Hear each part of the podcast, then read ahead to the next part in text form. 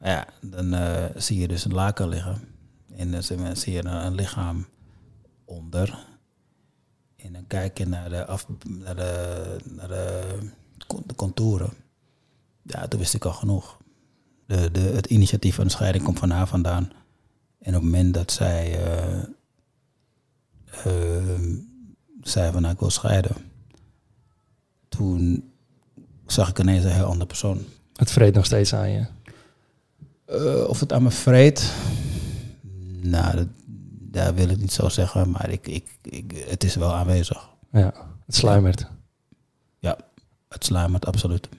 Ja, er zit al een, een bepaalde vorm van corruptie in, ja. Een soort van, eh, nou, jij moet nu niet winnen, hij moet winnen. Dat is beter. En spreek je hem nog steeds, of niet? Nee, natuurlijk niet. Nee, we zijn helemaal klaar. eh. van mij eh, mag hij doodvallen. Ik, ik zorg dat ik mijn mindset verander. En ik word kampioen. Welkom op Inspiratie bij Mijntips.nl. Mijn naam is Jan Dekker en vandaag gaan we op inspiratie bij Mr. Perfect Ernesto Host. Maar liefst viermaal wist hij wereldkampioen kickboksen te worden en dat ging niet zonder slag of stoot. Ernesto vertelt hoe hij bovenop zijn tegenslagen in de ring en zijn privéleven is gekomen. Blijf dus vooral luisteren en like, deel of abonneer. Zo inspireren we nog meer. Ernesto, bedankt dat je hier wil zijn. Kun je de kijkers, luisteraars misschien vertellen wat je nu doet na al die wereldkampioenschappen van jou? Eh, ja, ehm, op dit moment, eh, ik geef heel veel trainingen. ehm, in binnen- en buitenland. Natuurlijk, eh, rond COVID is het wel wat minder geweest. Maar ik, ik hoop, of ik hoop, ik eh, merk dat het weer aantrekt. Daar ben ik natuurlijk wel heel blij om. Ehm, ik train een, eh, een vechter die bij een grote organisatie zit, Santino Verbeek. Die ehm, vecht bij One FC. Een grote organisatie uit Azië. Ehm, ja, verder ben ik vader van drie kinderen. En, en zoon. Ja, En broer. ja. En is dat iets wat je nog belangrijker vindt dan je sportcarrière, je familie? Ja, dat lijkt me logisch. Dat is altijd geweest. Ehm, natuurlijk, eh, mijn sport eh, zorgt dat, eh, dat ik mijn, mijn kinderen kan verzorgen. Dus dus is daarom wel belangrijk. Maar ja, het wel en wee van mijn kinderen is nog veel belangrijker. Ja, ja zelf eh, ben ik net vader geworden, zoals je zag. Heel leuk. Ja. Ehm, heeft het je ook veranderd toen je vader bent geworden voor het eerst? Mm, nou, het, het heeft me wel doen beseffen dat ik eh, serieuzer moet zijn met dingen. Eh, het heeft me doen beseffen dat ik meer verantwoordelijkheid heb. Ehm, en dat ik ja, het goede voorbeeld moet geven. Ja, Dat vooral. ja. Want goed voorbeeld doet goed volgen. Nou, misschien, weet je. Ik bedoel, eh, zij hoeven niet te doen wat ik doe. Maar ik probeer wel eh, de juiste dingen voor hun te doen. Zodat ze daar misschien een voorbeeld aan kunnen nemen. Ja. En was jij een trainingsbeest?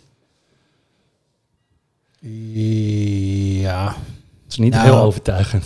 Ja, omdat ik, niet heel overtuigend, omdat ik eh, ook wel momenten heb gehad dat ik, eh, dat ik, niet, Periodes. dat ik niet zo'n zin had. Periodes. Ja, periode dat ik niet Ah, zo'n zin had. Ik heb één keer gehad, weet ik nog, dat ik, eh, ik liep de trap op om naar de, naar de sportschool te gaan. Ik dacht van, nee, ik heb eigenlijk helemaal geen zin, ik ga weer terug. dat, heb, dat heb ik wel eens gehad, ja. Maar, weet je, het grappige is dat naarmate ik ouder werd, dat steeds minder werd. Dat ik juist veel meer wilde trainen. En veel, veel... Waarschijnlijk. Het, nou, ik denk dat ik gewoon veel beter besefte wat er nodig voor was om, eh, om een topper te zijn en een topper te blijven. ja. En in het begin was ik daar iets makkelijker in. En jouw, eh, om jouw eerste wedstrijd bijvoorbeeld, eh, om daarin te gaan, was je toen niet bang? Of dat je bijvoorbeeld eerst trainingen hebt gehad en daarna denkt van ja, nu komt er een gozer en die kan me gewoon in één keer knock-out eh, slaan in plaats van dat je op de training toch een soort van rekening met elkaar houdt. Ik zal het je zo vertellen. Ik begon te trainen in 1981. in, ik denk rond april, mei of zo. Ehm, na een jaar wilde ik wel wedstrijden doen. En ik, ik groeide ook snel. Ik, ik was ook wel een talent. En, maar mijn trainer had iets van, ja, maar uh, jij bent dan de eerste die, die, die ik de ring in ga brengen. Dus ik, ik heb liever dat je nog even wat verder traint. Nou, dat verder, dat was bijna twee jaar verder. Ja. Ehm, dus eind 1983 volgde ik mijn eerste wedstrijd. Ehm, en dat was, dat was heel grappig, want ik, ik, ik, ging dus naar de sportschool toe. Ehm, en mijn tegenstander, die, mijn trainer, die was best wel zenuwachtig. Die dacht van, nou, gaat dat wel goed en doe ik het wel goed. En jij bent de eerste. En, en ik ga terug. Hij had zelf in Amsterdam getraind en hij ging dan een soort van weer terug naar Amsterdam uh, voor die wedstrijd. En hij had, echt, oh, hij had ook iets van, ja, maar ze kijken me nu allemaal wel aan. Uh, dus, dus hij was misschien nog wel zenuwachtiger dan ik. en uh, dat was echt heel grappig. Ehm, ik was mijn broekje vergeten. Of hij, ik weet niet meer precies hoe dat zat. Hij was uh, niet mee. Het broekje was niet mee, dus het broekje heb ik geleend van, uh, van, van iemand die al gevochten had. Of nee, die nee, van iemand van een iemand van een bevriende sportschool. Okay. Uh, en, en, maar terwijl we richting Amsterdam gingen, was het continu van, ja, je bent gespannen, hè? Tegen mij. ja. Maar ik wist ook niet wat het was om gespannen te zijn, weet je. Dat, Omdat je geen wedstrijd hebt gedaan. Nee, ik bedoel, kijk, als ik, als ik bijvoorbeeld uh, schoolexamen, dat, uh, dan had je wel een bepaald gevoel van, nou ja, oké, dit is... Maar dat, zo, dat voelde ik niet echt. Nee. Dus meteen zei ja, je bent gespannen. Ik, zei, ik ben helemaal niet gespannen. Ja. Hij bent wel gespannen. Nee, ik ben niet, dan krijg je Misschien, bijna ruzie. ja, ja. Misschien was hij wel gespannen en Hij hij, was- dat continu te ventileren tegen Hij was absoluut Een gespannen. soort van projectie. Ja, ja, Ja. En ik was dat ook wel, alleen ik wist niet wat het, wat, wat het gevoel was. Want ik had een, een soort van moe gevoel in mijn benen, in mijn hamstrings. Ja. Wat ik nooit had, weet je wel. En dat, dat, dat, was, dat was een vreemd gevoel. Ehm, en na de wedstrijd was het weg. Eh, nou ja, goed. eh, mijn eerste tegenstander dat was, een, was zijn broer. Was een bekende karateka. Eh, nou ja, zijn tweelingbroer. Dus ik had iets van, nou goed, dat... dus het was ook echt, echt, echt het gevoel van, nou, ze hebben het wel voor mij uitgezocht, weet je wel. Ja. Ehm, hij was een stukje ouder dan ik. En, eh, en ik, ik, ik, ik heb die wedstrijd heel vaak teruggekeken. Maar ik, ik herinner me gewoon ook nog wel bepaalde momenten, weet je. Ik weet dat hij heel vaak naar mijn rechterbeen trapte. En, en normaal gesproken weet je, werd ik naar mijn linkerbeen getrapt. Want iemand die links is, of iemand die rechts is, staat links voor. En trapt dan het liefst met rechts. Ja. Uh, maar iemand die links is, staat rechts voor. Dat Ja, is allemaal, logisch. allemaal gespiegeld. Ja. En, en die trapt dan naar je, naar je rechterbeen. Wat je eigenlijk niet gewend bent. Nee. Dus ik heb best wel veel trappen gehad. Deed ook wel pijn. Ik heb er best wel een tijdje last van gehad. Maar het grappige was dat ik op een gegeven moment... Ik zag geen dekking. Ik dacht van nu moet ik slaan. Dat ging zo instinctief. Ik zag geen dekking. Ik dacht nu moet ik slaan. Boom, ik sla. Precies eh, op de juiste plek. Bam, hij ging knock-out. Zo. En eh, ja, dat is, dat is gewoon wel raar. Ik, dat, dat, en dat voel ik ook, dat, dat, dat gevoel van die eerste klap, dat heb ik ook nog wel op mijn netvlies staan. Eh, nou, hij ging neer. En hij stond gewoon niet op. Hij probeerde zichzelf op te tillen. Op deze manier. Hij lag dus. En dan, ja, dat zag er eigenlijk een beetje kortig uit. Ehm, maar goed, hij werd dus uitgeteld. En toen had hij dus mijn eerste wedstrijd op knockout gewonnen. En dat gaf me zo een ja, gaf eerste een heel goed gevoel. Maar het gaf me ook een bepaalde rust.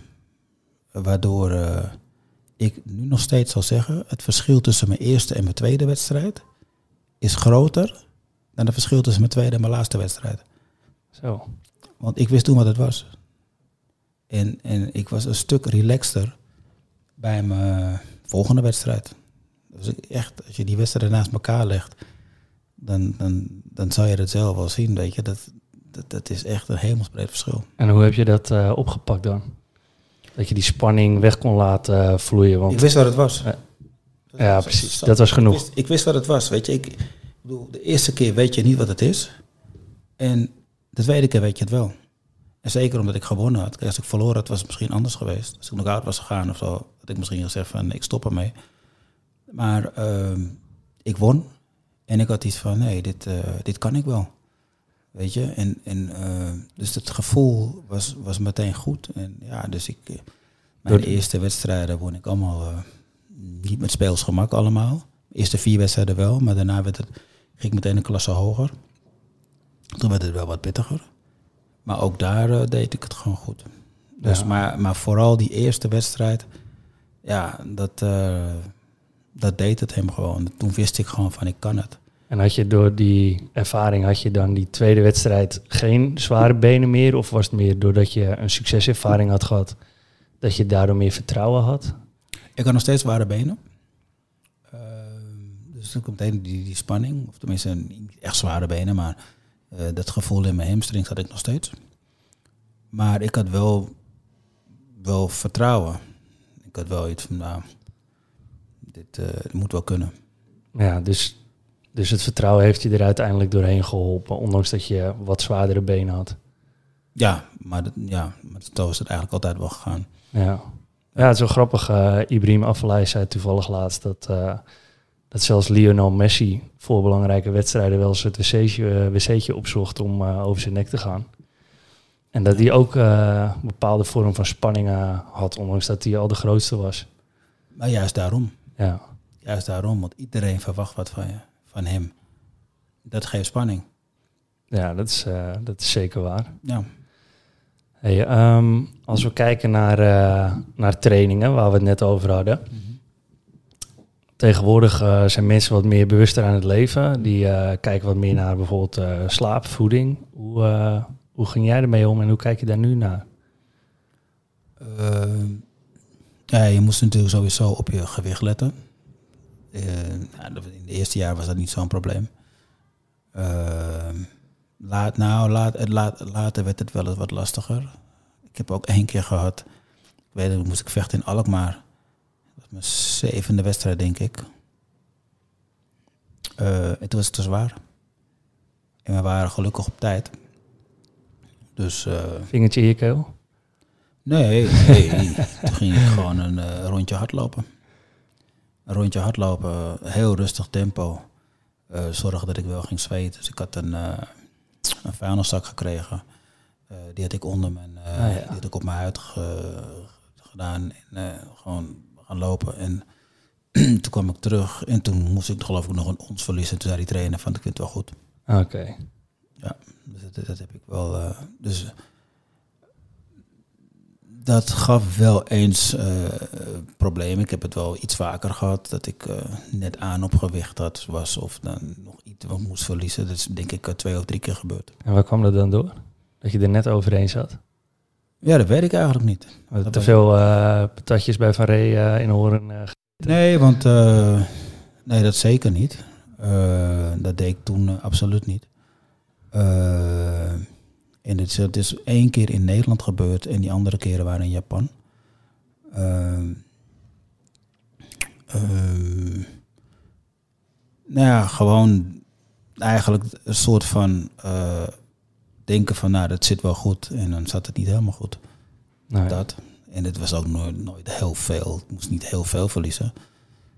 Ik bedoel, als jij eh, een kilo zwaar bent, ja, eh, dat, is, dat is niet zo heel erg moeilijk om, om dat kilootje eraf te nee, krijgen. precies. Weet je, dat, dat is, dat is eh, binnen een uur gebeurd. Ja. En hoe ging in, je... in de train en de, en de en kijk, toen ik in Alkmaar moest vechten, was de wedstrijd dezelfde dag. Dus het was anders. Maar eh, in Japan was het een dag van tevoren, dus was het helemaal geen probleem. Nee, precies. En hoe ga je daar nu als coach mee om? Met bijvoorbeeld eh, voeding of slaap? Naar, naar de vechters toe bedoel je? Ja. Eh, nou goed, nou heb ik eigenlijk maar één vechter op dit moment die, die, ook, die ook echt op niveau vecht. En die heeft, kijk, het is nu gewoon anders. Ja. Weet je, hij, hij, ik heb hem gebracht naar eh, Leo Echtelt. Ja. Ken je wel, denk Ja. ik. Eh, bij Fysiomet. Ehm nou, bij Fysiomet heeft hij zoveel goede mensen om zich heen. Die alles monitoren. Dus wat dat betreft... eh, hij moet natuurlijk zelf op de dingen letten. Maar hij wordt ook heel erg gecheckt. Ja, precies. Kijk, en op een gegeven moment... eh, ik ben bij Leo uitgekomen. Ik denk, oh, wanneer was dat? Nou, twintig jaar geleden of zo. Als het niet langer is. En nou, die heeft natuurlijk een heel mooi, eh, een heel mooi eh, studie, studie, wou ik zeggen, een heel mooie praktijk. Aanvankelijk in, in het centrum van Amsterdam. En nu, aan nu, nu bij het Olympisch Stadion in de buurt. Ja, en hij is nu, dus hij is zo goed. Dus wat dat betreft, eh, ja, hebben de sporters het een stuk makkelijker nu. Ja, en denk je eh, dat er ook nog andere factoren handig zijn om, eh, om kracht uit te halen? Bijvoorbeeld het geloof. Zelf eh, heb ik gelezen ergens dat je een Bijbel hebt staan thuis. Ja. Put jij daar kracht uit? Nee, kracht wil ik niet zeggen. Ehm, maar ik, eh, ja, kracht. Ik, ik vind het wel belangrijk om, ehm, om iets met mijn geloof te doen. En zeker naar mijn sport toe. Zeker toen ik vocht. Eh, dan, dan zou ik altijd wel, ik, dan zou ik in gebed gaan. En dan zou ik niet vragen om de overwinning. Dat zou ik nooit doen. Ik nog een verhaal over vertellen. Eh, maar ik zou wel eh, vragen van, nou, eh, spaar mij, spaar andere vechters voor grote blessures. En een keer moest ik dus vechten in een toernooi in Amsterdam. Ehm, en toen kwam mijn vader, die kwam ook en die, die ging me bidden. En mijn moeder was erbij, mijn zus geloof, mijn broertje was er ook nog die was er ook bij. Ja. En toen eh, zei hij van, eh, ja, en geef uh, NS dan net dat stukje meer. En toen was hij weg. Toen heb ik gezegd van, eh, toen heb ik weer een gebed gedaan. God hoeft mij niks, niks meer te geven. In gesprek met God allebei. Absoluut. Nee, daar heb ik al gezegd van, ja, ik, ik, ik wil niet meer. Nee. Ik wil niet meer. Ik wil gewoon dat ik mijn krachten gebruik. En dat ik mijn, eh, eh, mijn, mijn, mijn slimheid gebruik. eh, dat ik mijn intellect gebruik om de wedstrijd te winnen. Ja. Dat wil ik. En daar zal ik ook, ik zal ook nooit om andere dingen vragen. Nee. En is het dan ook dat het meer een ritueel is voor, meer een ritueel is voor je? Of Nee, het is niet zozeer een ritueel. Het is gewoon iets wat ik, eh, wat ik vind dat ik moet doen. ja. Zonder dat het een ritueel moet zijn. En zijn het ook eh, dingen die je dan in het dagelijks leven doet? Of was het alleen eh, richting sport? Ik moet eerlijk zeggen dat ik in het dagelijkse, le- da- dagelijkse leven... Kijk, als ik, als ik ga eten, dan bid ik altijd wel. Ehm, ik bid niet altijd voor ik naar bed ga. Dat doe ik niet altijd. Ehm, maar het is wel iets wat, wat altijd wel, waar ik altijd mee bezig ben. Ja. En waarom ben je er altijd mee bezig? Ja, ik ben zo opgevoed. Eh, punt 1. Dus het is gewoon wel een deel van, van, de manier, van mijn manier van leven. Ja. En als er anderen zijn die bijvoorbeeld zouden zeggen van... eh, ja, God bestaat niet. Hoe ga je daarmee in gesprek? Eh, nou, zo vaak gebeurt dat niet. Merk ik zeker de laatste tijd. Dan heb ik iets van, ja, ja, goed, voor mij bestaat God wel. En eh, ik ga ze niet eh, evangeliseren of zo. Dat Nee. niet. Maar ik, ik zeg dat voor mij is dat wel zo. Ik vind het wel belangrijk, maar het gebeurt niet hoor. Ik bedoel, mensen eh, laten je dat wat dat betreft altijd wel in je waarde. Ja. ja, het moet inderdaad niet dogmatisch worden dat je het gaat prediken tegen anderen. Dat, ik vind van niet. Nee. Anderen die zijn, er kunnen er misschien anders in zijn, maar ik, ik vind het absoluut van niet. Nee. Ja, ik sta er zelf ook zo in hoor. Iedereen moet geloven waarin eh, hij of zij wil. En Ja. Ik denk zelf wel dat er, eh, dat er iets is. Ik weet alleen niet wat. Maar er zijn te veel toevalligheden. Eh, alleen ik kan er niet echt mijn vinger op leggen wat het nou precies is. En dat, ja. ja, dat maakt het soms wel eens lastig om met mensen over te praten die denken dat er helemaal niks is. Wat ook zo zou kunnen zijn. Hè. Alle opties zijn, eh, Ja. zijn open wat mij betreft. Ja. Maar goed, dat, eh, Ja, aan de andere kant heb je soms wel eens mooie discussies erover. Nee, dat klopt.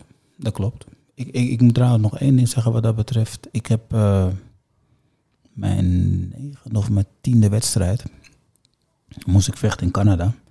Nou, dat was al nee, mijn elfde wedstrijd, denk ik. Vocht ik in Canada. Ja, de, ja, die elf wedstrijden gevochten. Als ik nu denk van vechten die elf wedstrijden hebben gevochten. Nou, die, uh, die mogen blij zijn als ze verder naar Amsterdam zijn gekomen, bij wijze van. En nou, die mogen blij zijn als ze Nederland uit zijn geweest. Laat me het zo zeggen. Ik ging naar Canada.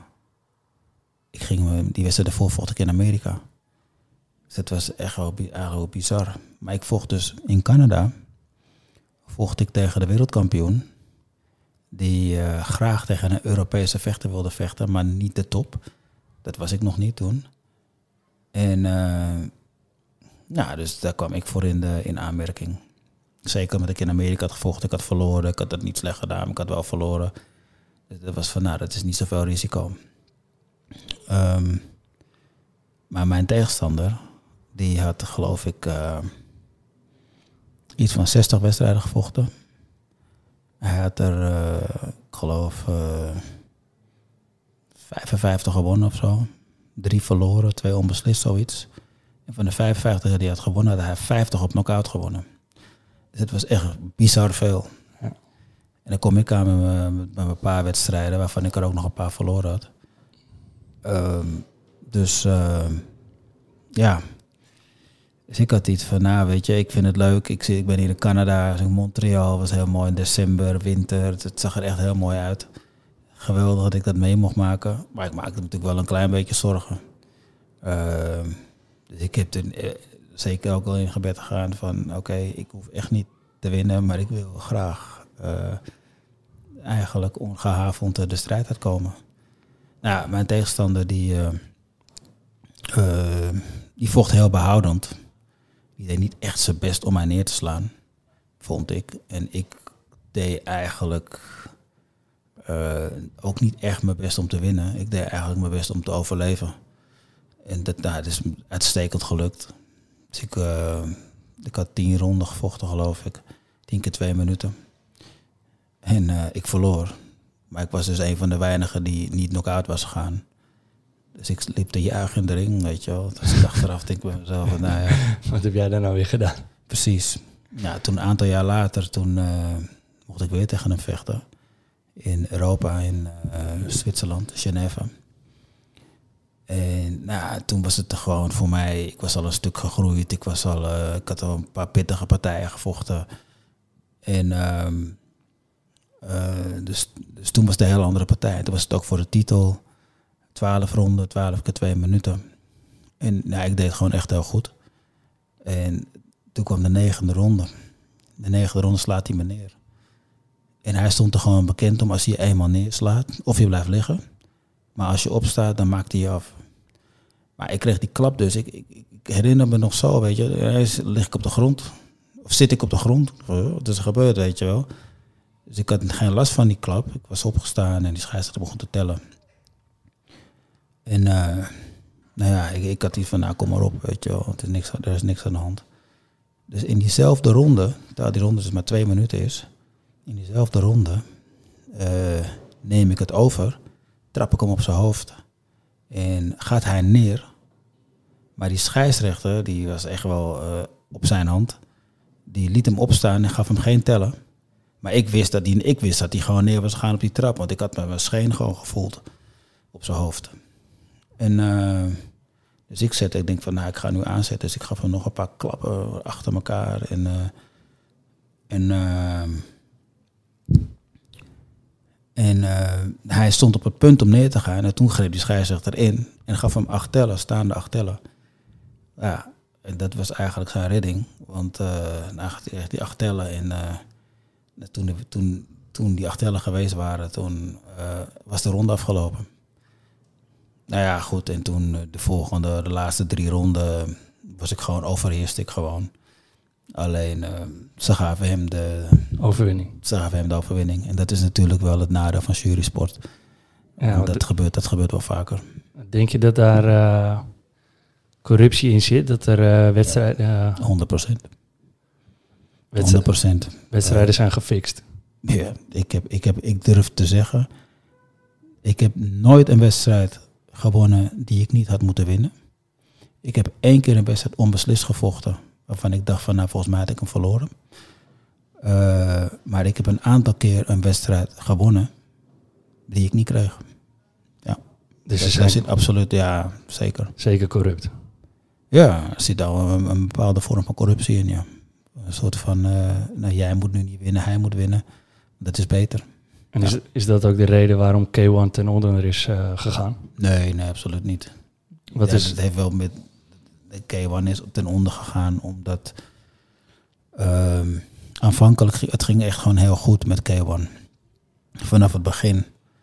Ze waren zo populair. Iedereen wilde. Ik bedoel, kijken, kijkcijfers waren echt sky high. Echt eh, niet normaal, weet je wel. eh. Ehm, maar. Het probleem was, er won nooit een Japanner. ja. Dus het was heel groot in Japan, weet je, en veel minder groot in de rest van de wereld. Maar er, er wordt nooit een Japanner. Dus eigenlijk had er een Japaner moeten winnen. Ja, En dat is niet gebeurd. dat is niet gebeurd. Als een Japaner had gewonnen, dan denk ik dat K1 nog bestaan had. Ja. Dus als, er, als er vaker een Japaner had gewonnen.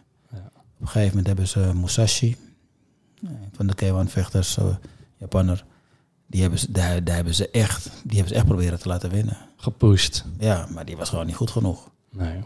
En ehm, ik weet dat hij. eh, kijk, Musashi zal nooit van mij winnen. nee. Musashi heeft twee keer van mij verloren. Eén keer, de eerste keer had hij geen schijn van kans. De tweede keer hadden ze het wat, hadden ze het wat slimmer aangepakt. Ehm, toen hadden ze mij ehm, in Tokio gelaten, terwijl de wedstrijd was in Kumamoto, geloof ik. Nou, dat, een plek wat die een beetje hoger ligt. Nee, het was niet in Kumamoto. Nou, in ieder geval een plek die hoger ligt. Dus ik kwam eraan, ik merkte dat niet echt. Maar ik kwam een dag voor de wedstrijd kwam ik eraan. Dat ik moest zogenaamd eh, naar een honkbalwedstrijd eh, van de Tokyo Giants eh, gaan. Wat ik heel leuk vond. En mocht ik de eerste bal gooien in de vol, in de vol Tokyo Dome. Dat was geweldig. Alleen, die, wedstrijd, dat- dat- die andere, die Japanse vechters, want er waren, was echt zeg maar zo een soort van Japan tegen de rest van de wereld. En die Japanse vechters, die waren allemaal al Getraind. eh, nee, die waren allemaal al daar zo al een tijdje. Die hadden daar getraind. Die waren dus Ja. gewoon gewend aan, aan eh, dat het hoger lag. Weet je, en minder, eh, minder zuurstof. En ik merkte het aanvankelijk niet zo. Maar toen de wedstrijd begon, merkte ik het wel. Weet je wel. Na de tweede ronde, ik moest vijf ronden vechten. Na de tweede ronde was ik gewoon moe. En toen moest ik nog drie ronden. En ik, ja, ik, ik kon hem niet neerslaan. Dus het was echt wel hangen en wurgen. En uiteindelijk hebben ze mij wel laten winnen, maar echt eh, met een minieme score. Zo. Dus dat soort dingen, ja, dat eh, Het zijn gewoon strategische zetten om een eh Japaner te laten winnen. dat zijn gewoon vieze streken bedoel je. ja, absoluut, ja. Ja. ja, dat hebben ze echt wel geprobeerd. En ik denk dat als Musashi, want Musashi hebben ze echt een paar keer proberen te laten winnen. Als Musashi had gewonnen, ja, dan, dan, dan, ik weet niet of K1 nog had bestaan, maar die kans was wel een stuk groter geweest. Ja, En die trein Musashi is wel een goede gast hoor. Ik kan heel goed met hem opschieten. En ik, eh, als ik in Japan kom, dan kom ik hem ook vaak tegen en zo. Ik had het goed met hem hebben. Maar hij- was gewoon niet goed genoeg. nee. Ja, dat kan. Ja. Hey, even een, eh, een terugkoppeling naar, eh, naar je geloof. Ja. Je broer is overleden aan een auto-ongeluk. Vind je het fijn om God daarbij te betrekken? Hoe bedoel je? Dat je er meer, eh, dat je meer vrede mee hebt dat hij is overleden, dat hij op een goede plek zou zijn? Ehm, In plaats van dat je bijvoorbeeld niet zou geloven. Kan je dan misschien beter een plekje geven? Dat weet ik niet. Ik heb dat no- nooit echt zo bekeken. Ehm, ik weet, kijk, want wat ik heel erg vond, ja, misschien dat je dat ook wel weet, ehm, dat was, ik had de K1 gewonnen. Ja, wacht even hoor. Ik, ik- ja, ik had de K1 gewonnen dat, dat jaar daarvoor, eh, een paar maanden daarvoor. En ehm, en in, in, in, in dat toernooi verloor ik eigenlijk mijn eerste wedstrijd. Omdat mijn tegenstander niet verder kon, mocht ik door. Als lucky loser, dat was toen de regel.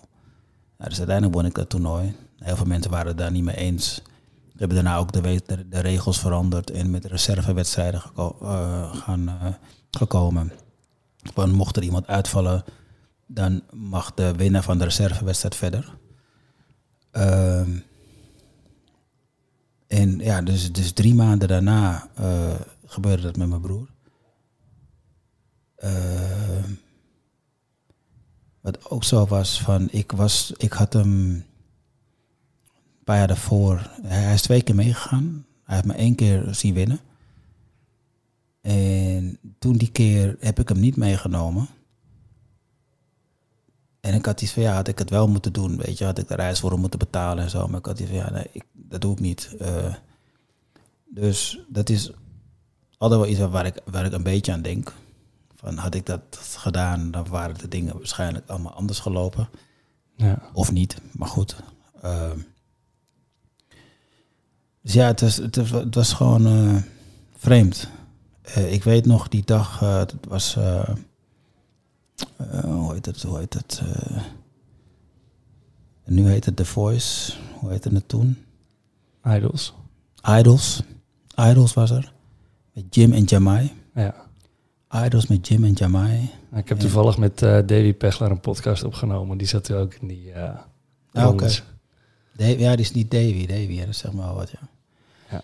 Ehm, en ik... eh, nou, ik had Idols gekeken. Volgens mij was die dag dat... Mij was het die dag of die week erop kwam de finale. Weet ik niet precies.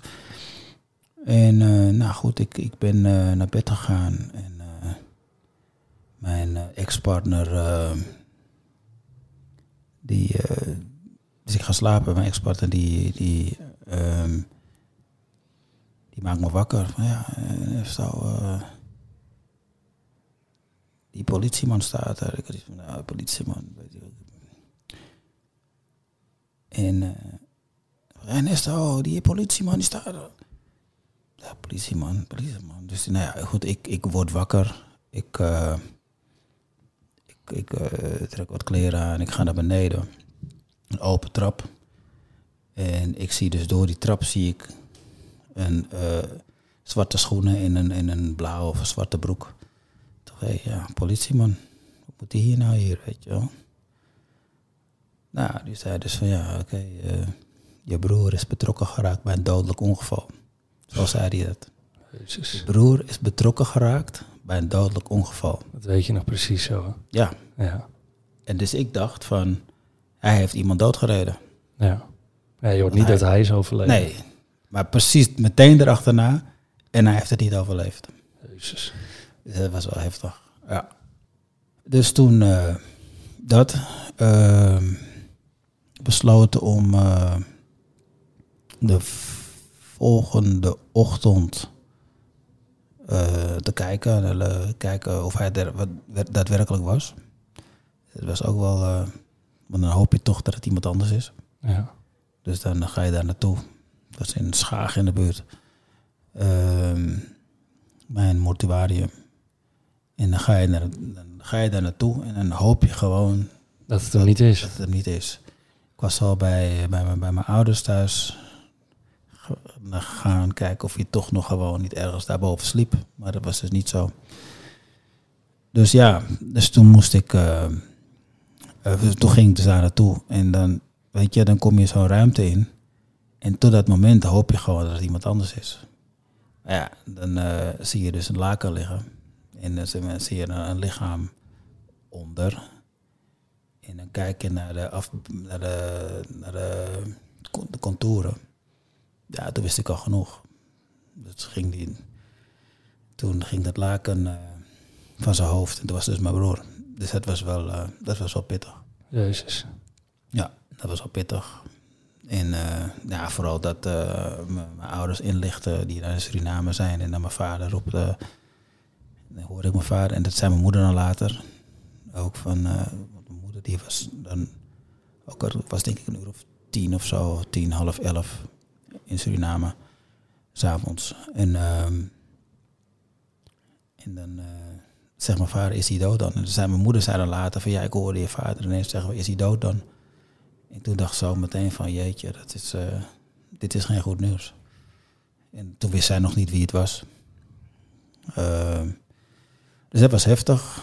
En dan moet je nog allerlei eh, acties ondernemen om, om je ouders zo snel mogelijk terug te halen. Dat soort dingen. Dus het was wel, eh, was wel een heftige tijd. Ja, een hele heftige periode. Ja. Jezus. Ja. En denk je er nu nog vaak aan terug, aan het overlijden van je broer? Niet vaak, maar het komt, eh, daar, dat, dat komt af en toe wel eh, naar voren, ja. En hoe beleef je dat dan?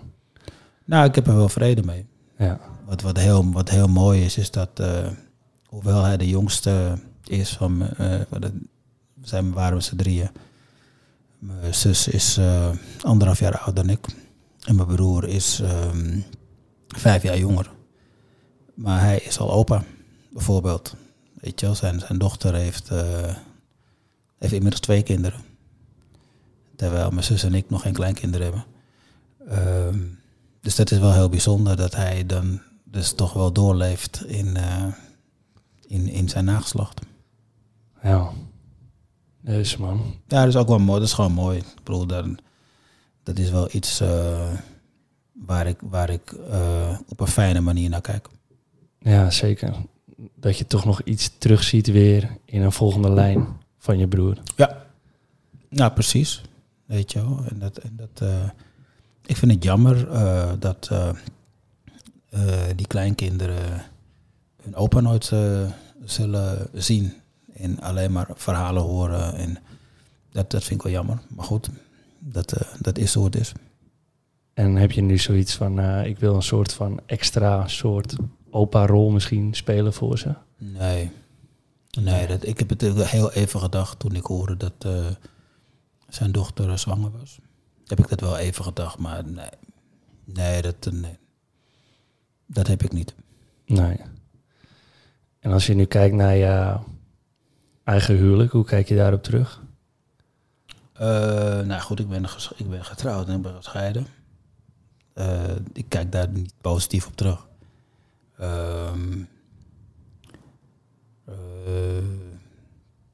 dat is gewoon, ja. Ehm, kijk, ik ben degene die, die het geld heeft verdiend, laat me het zo zeggen. Mijn ex is degene die het meeste voor, eh, voor het huishouden en de kinderen heeft gezorgd. Ehm, ik ben in gemeenschap voor goederen getrouwd en moest de helft dus delen. Nou, dat, heeft me, dat is me wel zwaar gevallen. Dat, zo simpel is dat. Ja, ja. En dat, eh, dat vond ik niet fijn. Eh, maar goed, aan de andere kant, het is mijn eigen schuld. Dus ik kan daar, ik kan daar niemand op aankijken. Ook haar niet. Maar goed, het is gewoon. eh, kijk, wij we staan nu eh, zo anders naar elkaar. Op het moment dat zij. eh, de, de, het initiatief van de scheiding komt van haar vandaan. En op het moment dat zij. eh, ehm, zei van nou, ik wil scheiden. Toen zag ik ineens een heel andere persoon. Dus dat vond ik wel jammer. ja, dat snap ik wel. Ja. Ja, Johan Derksen die zei onlangs, als je jong bent maak je twee domme fouten. Je trouwt in gemeenschap van goederen of je neemt tattoos. Wat zou jij tegen hem willen zeggen? Ja, ik, ik weet niet of tattoos nemen eh, slecht is. Ik heb daar wel aan gedacht. Ik heb, eh, ik heb eraan gedacht om eh, tattoos te nemen met iets, gewoon geen grote tattoo, maar iets van iets wat mijn kinderen symboliseert of zo. Daar heb ik wel aan gedacht, maar ik heb het niet gedaan. Maar trouwen, nou in ieder geval trouwen in gemeenschappen goederen, dat is wel, eh, ik vind dat wel de- een van mijn grootste fouten uit mijn leven. Nou, daar heeft hij wel een punt. Ja, absoluut. En zijn er toch wel positieve eh, punten die je uit je huwelijk haalt nog? Nou, ik kijk niet, ik kijk niet positief. Dat, eh, dat niet. Ehm, nogmaals, ehm, Ze heeft je wel bijvoorbeeld drie prachtige kinderen ja, natuurlijk. Kijk, maar goed, dat, die, waren, die kinderen die waren er al voor we gingen trouwen. Ja, oké.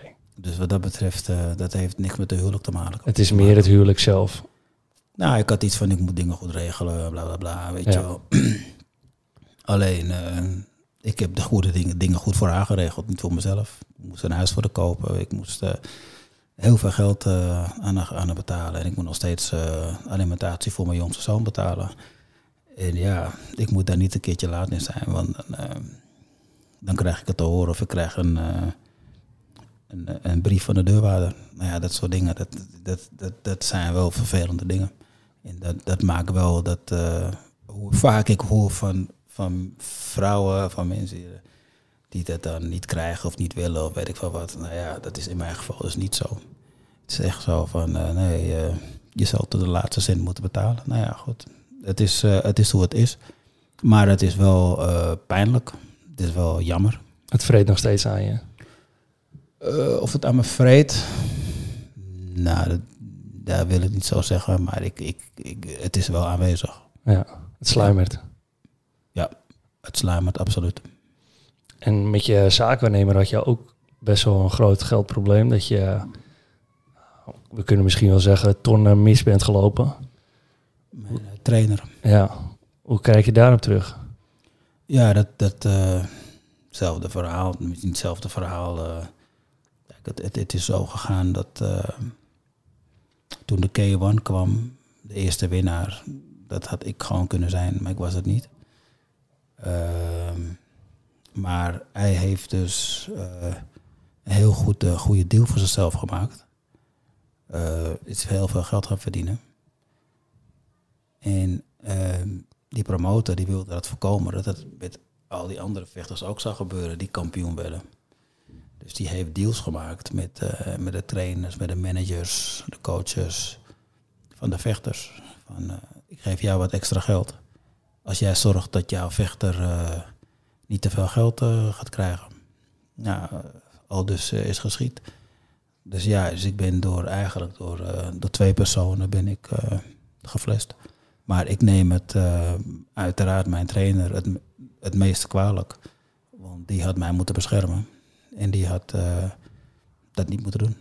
En spreek je hem nog steeds of niet? Nee, natuurlijk niet. Nee, nee we zijn helemaal klaar van mij uh, mag je doodvallen. Ja. Dat zijn stevige teksten. Ja, van mij mag je doodvallen. Ik bedoel, uh, misschien dat hij het ooit gaat horen, maar uh, en hij zal het heel goed begrijpen. Want ik bedoel, als jij denkt van, als jij denkt dat je dat iemand dingen goed regelt, wat, dan, wat ik dan af, je bepaalde dingen snapte ik niet. Toen ik op een gegeven moment een, een contract kreeg. Ik vond dat contract niet zo goed. En uh, ik, snapte het, ik snapte het gewoon niet, weet je wel. Dat, kreeg een heel klein percentage van een merchandise bijvoorbeeld. En wat is er nou voor onzin, weet je wel. En toen uh, kreeg ik het dubbele daarvan. Was nog steeds heel weinig. En toen zei die, die advocaat die dat geregeld, ja, maar je krijgt wel het dubbele. Ja, donder op, weet je wel. Ja, en dan, uh, ja, dan, dan hoor je later hoe de dingen werkelijk gegaan zijn. En dan is het dan van twee kanten. Eén, dat is K1, uh, eh, die dat gefaciliteerd heeft. En twee, dat is mijn trainer, die, die daarop ingegaan is. En die in plaats van lange termijn denken van nou nee, we gaan gewoon lang geld verdienen. Gewoon gedacht even, nou nee, pak dit nu. En ja, er zijn bedragen genoemd. Weet je, ik weet ze niet zeker. Maar uh, dat is gewoon pittig, weet je wel. Dat heeft me echt heel veel geld gekost. Dus dat, dat zijn gewoon dingen die... ja, ik heb, wat dat betreft heb ik me een paar keer financieel een paar keer laten naaien. Dus dat is wel pijnlijk ja, nu verdien je geld met lezingen, trainingen. Je gaat ook nog wel eens naar Japan. Ja. Daar zijn, niet de bedragen, zijn niet de bedragen die ik vroeger vroeger verdiende. Nee. Maar goed, ja. ja. En is het zo dat, dat je daar nog wel voldoening uit haalt? Of denk je van, nou ja, ik had dat financiële had ik toch nog wel even lekker gevonden? Ja, dat laatste sowieso. Maar ik haal wel voldoening uit... Uh, geven van trainingen en uh, doen van presentaties, absoluut. Dat, vind ik, dat, vind ik, nog steeds leuk om te doen. Ja, dus het is niet eh, zo dat geld je alleen maar motiveert nu. Dat je het meer doet nou, voor zingeving. Nou ja, de, beide. Ik bedoel, eh, ik vind het fijn dat ik zomaar geld verdien. Maar ik vind het ook fijn, ik vind het fijn om, om trainingen te geven aan mensen die dat graag willen krijgen. En ik vind het fijn om, ehm, om, om eh, presentaties te geven over mijn carrière. En, en ook eh, mensen iets meegeven van, zeker ehm, die presentatie die ik geef, dat ik ook gewoon laat zien van ik ga hard knock-out. En ik, ik zorg dat ik mijn mindset verander. En ik word kampioen. Dus ik vind het heel leuk om dat mensen mee te geven. Ja, ik denk dat dat ook een mooie, een mooie boodschap is die je uitdraagt. Ondanks hoe vaak je ook neergaat. Je blijft telkens opstaan. Ja, daar komt het eigenlijk wel op neer. Maar ja, goed. ehm, ik heb wel iets van dat neergaan moet je wel proberen te voorkomen. Ja, En eh, dus dat neergaan in, het, in de sport, in het gewone leven, eh, dat moet je toch wel tot een minimum zien te beperken. Want hoe vaker je neergaat, ik denk dat het ook in het gewone leven zo is, hoe makkelijker je neergaat. ja. Snap je? Ik bedoel, de eerste keer heb je tien klappen nodig. En, en, en de tiende keer heb je maar één klap nodig, bij wijze van. Nou, ik denk dat je wel een aantal handige tips hebt gegeven om een aantal klappen eh, te voorkomen hier in deze Ik hoop het. podcast. Ik hoop het. Is er nog iets algemeens wat je zou willen meegeven aan de kijkers, luisteraars op het gebied van eh, mindset, omgaan met tegenslag?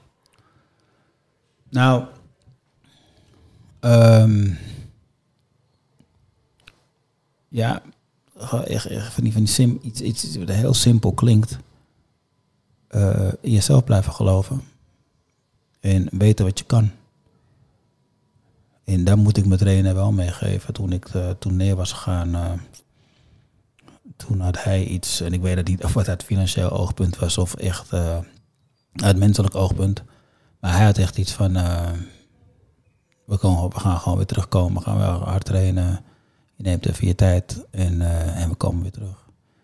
Nou, dat is, dat is dus ook wel gebeurd. En vooral die eerste keer. En ik weet nog dat ik, iemand liet me dat een keer zien.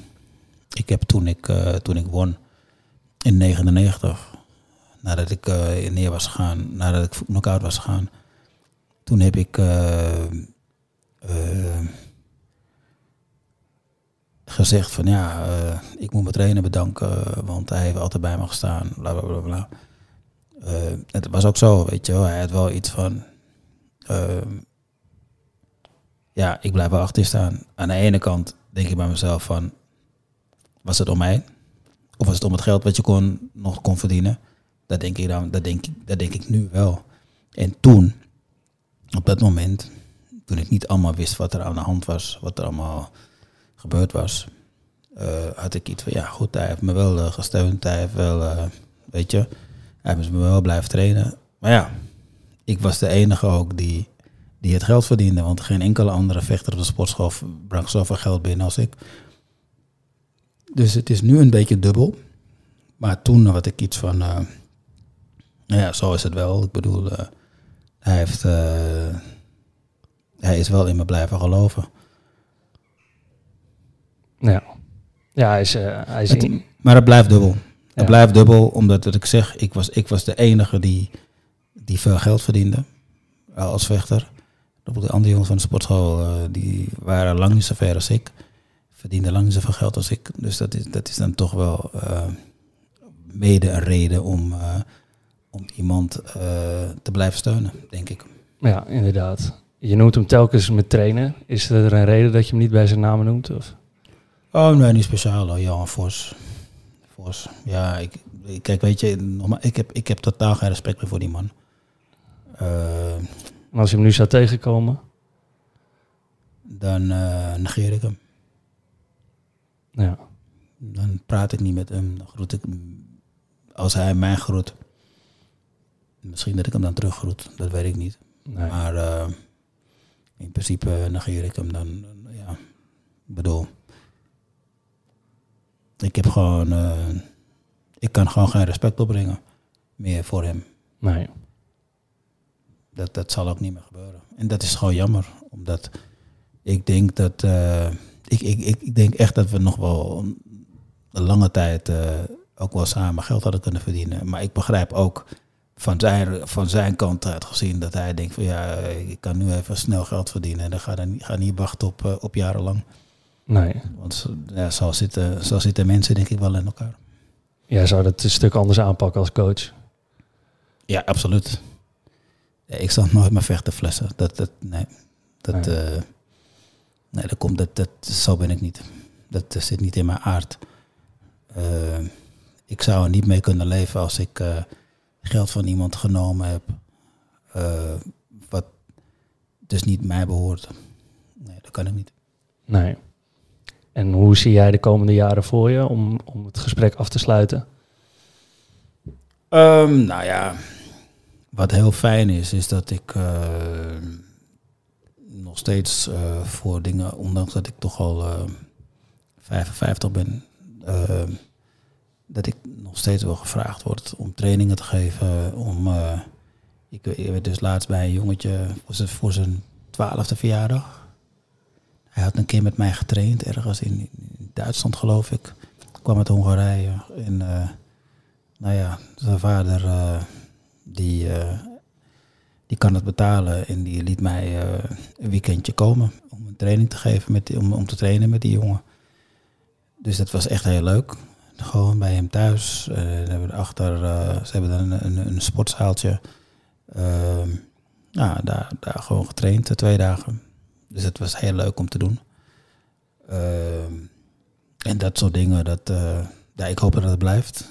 Ehm, ik, ik weet dat ik nog heel veel eh, op, op, op, op mijn sportgebied heb ik nog heel veel te bieden aan mensen. Ik kan mensen echt wat beter maken. Ik kan goede trainingen geven.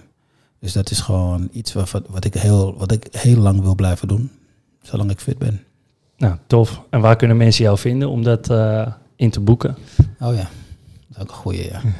Ja, mijn website, eh, mijn, website zou ook kunnen, nsdehost.nl of .com. Ik weet niet of .com nog steeds eh, heel erg, .nl in ieder geval.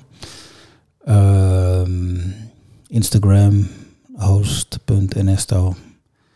Eh, ja, Facebook kan je me ook wel vinden. Maar ik vond, maar er zijn heel veel Ernesto's, dus je moet wel de juiste, de juiste vinden. Ja. Maar dat, eh, dat gaat wel vanzelf. Ik denk dat ik iets van eh, het maximaal aantal volgers heb. Ja, precies. Ja. Nou ja, in ieder geval de website kunnen ze je op vinden en Instagram sowieso. Ja. Dus genoeg manieren om met jou in contact te komen. Absoluut. Hey, ik wil je hartstikke bedanken eh, voor je tijd en dat je hier naartoe wilde komen. En ik vond het een heel eh, leerzaam en tof gesprek. En ik hoop Ja. de kijkers en luisteraars ook. Dat hoop ik ook. Nou ja, jij ook bedankt. Want ik, eh, het is altijd leuk om, om een goed gesprek te voeren over, over de dingen die ik doe. Ja. Dus jij ook bedankt. Tof dat je mee op inspiratie was en top als je deze podcast liked, deelt of op gaat abonneren. Zo kunnen we namelijk nog meer mensen inspireren. Ga voor persoonlijke coaching of een lezing voor jouw bedrijf naar mijntips.nl en hopelijk tot de volgende.